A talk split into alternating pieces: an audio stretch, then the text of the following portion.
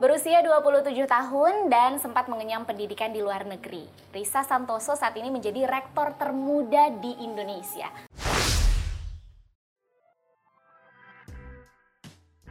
Halo Riz. Halo, gimana? Akhirnya bisa ketemu. Selamat. Ya, eh, makasih banget dinobatkan loh. Jadi rektor. Waktu itu saat dinobatkan kemudian akhirnya Risa tahu bahwa oh saya jadi rektor termuda di Indonesia. Respon kamu saat itu gimana Riz? Waktu itu sih benernya waktu dibilangin sama temen kan, oh kayaknya memang kamu rektor termuda gitu. Sebetulnya nggak expect apa apa sih. Oh ya udah kayak itu just passing aja gitu. Jadi kayak oh ya mungkin eh, jadi rektor termuda itu nggak tahu kalau ternyata akan disorot segininya gitu. Ya jadi ekspektasinya mungkin agak beda gitu. Jadi awalnya eh, nggak menyangka ya maksudnya ya udah diberikan tanggung jawab. eh, Risa juga nggak pernah menyangka kalau akan going viral. Bener jadi- banget sih. Jadi di media sosial, kemudian di pemberitaan segala macamnya. Ada yang berubah? Yang berubah. Mungkin sekarang lebih sering dikontak sama teman-teman media gitu ya. Pastinya ya. Eh, selain itu apalagi mungkin? Eh, kayaknya mungkin juga tanggung jawabnya ya karena memang sekarang banyak yang nanyain juga kayak plan ke depan gimana harus lebih jelas harus lebih banyak em, menyamakan visi tujuan itu akan jauh lebih banyak obrolan itu gitu. Dan itu dari teman-teman juga apa yang mau dilakuin apa. Jadi kayak ada check and rechecknya dan banyak omongan tentang ini gitu. Oke, Riz mungkin boleh cerita sedikit aja ya eh, perjalanan sampai akhirnya Risa dinobatkan eh, menjadi rektor di Institut Teknologi dan Bisnis Asia Malang. Karena sebelumnya kan Risa merupakan tenaga ahli muda di kantor staf kepresidenan ya. benar Setelah dari kantor staf kepresidenan itu mungkin ceritakan sedikit pada akhirnya jadi rektor. Jadi waktu itu kan 2015 sampai 2017 aku di kantor staf presiden Ya. jadi staf muda kan staf ahli muda. Setelah itu awal 2017 balik ke Malang terus waktu itu sempat jadi ketua LPMI Lembaga Penjaminan Mutu Internal. Oke. Jadi sempat di sana kira-kira setahunan. Setelahnya baru saya dinaik diangkat jadi direktur pengembangan. Nah setelah jadi direktur pengembangan waktu itu juga buat beberapa acara seperti hackathon, lalu eh, acara teman-teman anak-anak di kampus itu dibawa magang ke luar negeri dan beberapa acara lainnya. Akhirnya eh, baru-baru ini dinobatkan jadi calon rektor, baru jadi rektor setelahnya. Oke, nah Riz, sebelumnya eh, saat mungkin kamu mengenyam pendidikan S1, kemudian S2, memang sudah terpikir dari awalkah akan terjun ke dunia pendidikan, berkontribusi terhadap pendidikan di Indonesia atau bagaimana? Eh, memang salah satu hal yang saya dapatkan waktu saya S2 terutama ya, itu adalah kalau pendidikan itu sesuatu hal yang sangat penting. Kalau biasanya eh, ada satu profesor di MIT waktu itu saya pernah ngeliat, dia bilang yang bisa majuin bangsa itu ada empat nih, yaitu infrastruktur yang kita sekarang juga sudah bagus banget ya, lalu healthcare, law dan yang keempat itu pendidikan. Jadi kayak salah satu hal yang memang bisa memajukan bangsa itu salah satunya pendidikan. Dan karena pas aku juga eh, minat di bidang itu, jadi memang ya ada pikiran untuk balik ke sini dan masuk ke dunia pendidikan. Cuman nggak mikir kalau misalnya oh bakal jadi rektor tuh belum ada bayangan gitu sampai baru-baru ini. Saat itu belum ada bayangan ya? Ya karena Bener. S1 ekonomi, eh, majornya walaupun memang minornya pendidikan ya? Iya. Yang di eh, University of California, kemudian S2-nya baru memang fokus ke jurusan pendidikan. Bener. Oke, dan waktu itu, waktu di S2 nih, Riz, em, apakah saat sekolah di sana memang udah ada pikiran bahwa oke aku akan balik ke Indonesia, eh, mau walaupun walaupun waktu itu belum kepikiran mau terjun di dunia pendidikan serius ya, jadi rektor segala macam, tapi apakah memang udah kepikiran bahwa aku akan balik ke Indonesia atau ya kayaknya mungkin aku akan kerja dulu di Amerika atau gimana? Waktu S1 sebenarnya nggak berpikir kalau akan langsung balik. Tapi waktu saya masuk S2 di Harvard, ketemu sama teman-teman, banyak sih dapat inspirasi dari teman-teman saya juga. Oh, kayak mereka mau balik ke Indo untuk sama-sama membangun bangsa. Jadi sama-sama terinspirasi sama teman-teman di kampus sih. Dan ya memang kebanyakan semua teman saya yang ada di sana balik ke sini gitu. Yang deket sama saya ya waktu di Harvard.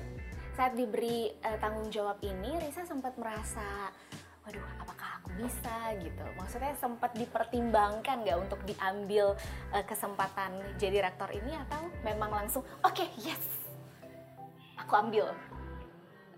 Sebenarnya ada beberapa pertimbangan lah Heeh. gimana ya kira-kira kalau memang mau menjadi rektor kan pasti tanggung jawabnya jauh lebih gede daripada jadi direktur pengembangan gitu yang memang eh, skopnya lebih sedikit. Tapi saya terima tantangan inilah sambil dipikir-pikir ya kayak mungkin sesuatu yang menarik juga, yang challenging, yang saya rasa bisa saya lakukan dengan baik gitu. Oke. Nah, salah satu eh, programnya nih eh, yaitu lulus tanpa skripsi. Betul ya? Mungkin Benar. bisa diceritakan lagi lebih detail sedikit aja tentang itu. Em, ini salah satu hal yang memang udah dari lama sih aku pikirin. Kalau teman-teman itu banyak di kampus interaksi sama mahasiswa apa em, yang sekarang lagi mengerjain skripsi, yang belum mengerjakan skripsi, itu banyak yang ngerasa kalau skripsi ini suatu momok gitu, suatu kayak em, hal yang benar-benar nggak diinginkan. Duh, skripsi. Bener kayak Semester berapa? aduh. Semester ambil skripsi. Bener, harus nentuin judul, harus nyiapin nanti ngapain aja, riset Bimbingan, ya. bimbingan, wah itu deh. Dan nanti revisinya berapa Hmm. kali gitu kan.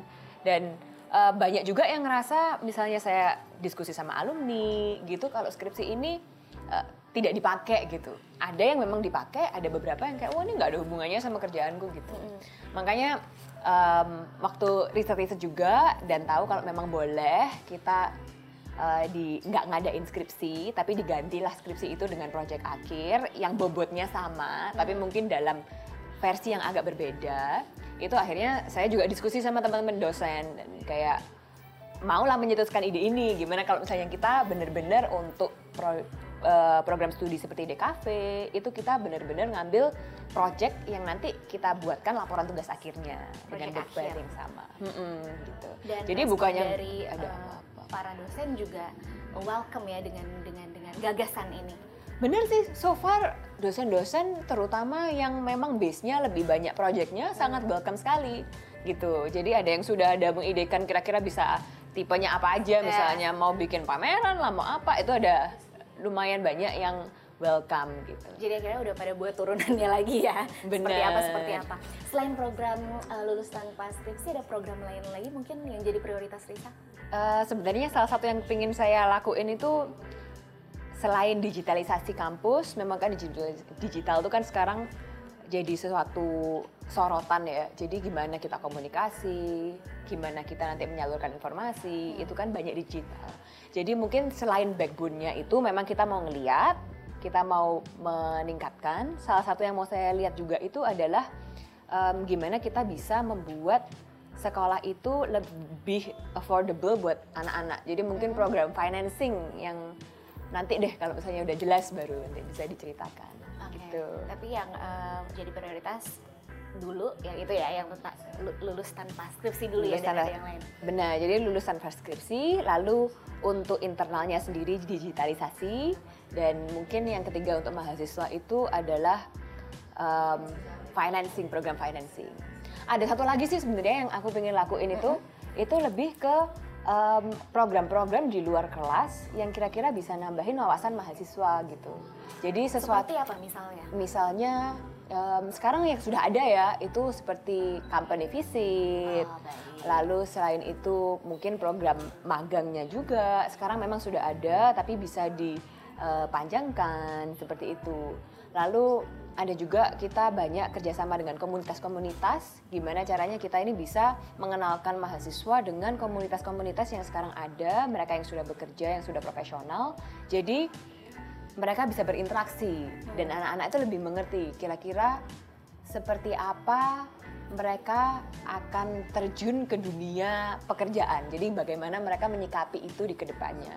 Jadi mendekatkan mahasiswa dengan dunia kerja, mulai mulai mendekatkan mahasiswa dengan dunia kerja ya. Jadi mereka uh, bisa lebih mempersiapkan diri lagi. Benar, Nah, lebih Riz- mengenalkan mereka gitulah. Gimana? Nah, gimana? Riz, ini kan masih 27 tahun, masih seumuran lah ya. Masih muda, masih sempet nongkrong sama temen-temen. Masih sempet sih untungnya. Cuman terakhir-akhir ini setelah eh, naik jadi rektor emang agak susah ya jarang ketemu sama temen. Tapi ya untungnya masih lah dikit-dikit masih sempat gitu. Riz, uh, kan ada pepatah nih, pohon semakin tinggi anginnya juga semakin kencang. Maksudnya challenge-nya, tantangannya pasti ada aja. Risa sendiri menyikapi berbagai uh, challenge tersebut, mungkin misalnya salah satunya adalah pasti ada berbagai uh, pendapat begitu yang akan datang, berbagai penilaian juga yang akan datang terhadap Risa. Nah, Risa mempersiapkan diri seperti apa untuk menghadapi berbagai tantangan itu? Salah satunya penilaian orang-orang yang pasti sih disikapi dengan gimana ya dengan lebih baik aja sih. Maksudnya nggak perlu terlalu di dimakan dimakan diambil di hati. Mhm, mhm. asal itu bisa uh, misalnya bisa ada feedback yang bagus diambil. Kalau tidak menurut saya asal tidak mempengaruhi pekerjaan itu nggak apa-apa gitu yang pasti ada kalau misalnya terekspos ya apalagi pasti ada plus minusnya. Ya. gitu. Terutama sekarang ini ceritanya jadi viral banget pasti juga ada yang menyoroti dan ngasihin ada yang ngasih feedback dengan bagus ataupun mungkin yang enggak gitu ya. Tapi yang pasti sih asal kita tetap bisa kerja fokus dan menghasilkan output yang bagus pasti lama kelamaan juga itu akan tersortir sendiri lah mau tahu pendapat Risa dong soal sekarang kan semakin banyak tokoh-tokoh muda, maksudnya mulai banyak tokoh-tokoh muda yang uh, menempati posisi-posisi penting begitu ya, yang baik di mungkin di pemerintahan maupun ini di dunia pendidikan. Uh, pendapat Risa di seputar itu? Menurut saya sih sekarang memang udah waktunya lah ya kalau teman-teman milenial, teman-teman yang sekarang masih muda-muda untuk step up dan benar-benar berkontribusi untuk negara. Jadi bagus lah ini suatu wave yang bagus yang mestinya harus di welcome sama teman-teman sama semua orang gitu. Gimana caranya kita welcome teman-teman yang milenial yang ingin benar-benar berkontribusi untuk maju dan menunjukkan bagaimana mereka bisa berkontribusi gitu. Yang jadi inspirasi terbesar Risa Mungkin so far yang jadi inspirasi terbesar saya itu Ibu Sri Mulyani ya sebagai wanita dia bisa berkarir dengan baik juga diakui oleh Indonesia dan di luar Indonesia yeah. dan benar-benar kerasa gimana uh, Bu Sri Mulyani memang sudah berkontribusi kepada kita gitu. Uh, rencana Risa ke depan, rencana pribadi ke depan apa kira-kira Ris? Apakah mau fokus dulu nih karena baru dikasih tanggung jawab atau ada rencana lainnya? Yang pasti sih untuk rencana ke depan fokus dulu ya ke kerjaan gimana caranya kita bisa benar-benar membuat sesuatu yang bisa bermanfaat bagi adik-adik mahasiswa.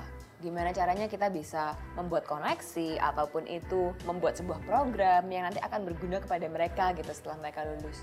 Jadi ya fokus ke situ dulu dah kayaknya sudah banyak kerjaannya ya. Jadi ya gitu. Tanggung jawabnya eh, ya sudah baru, tanggung jawabnya sudah level up ya, udah naik level dibanding sebelumnya.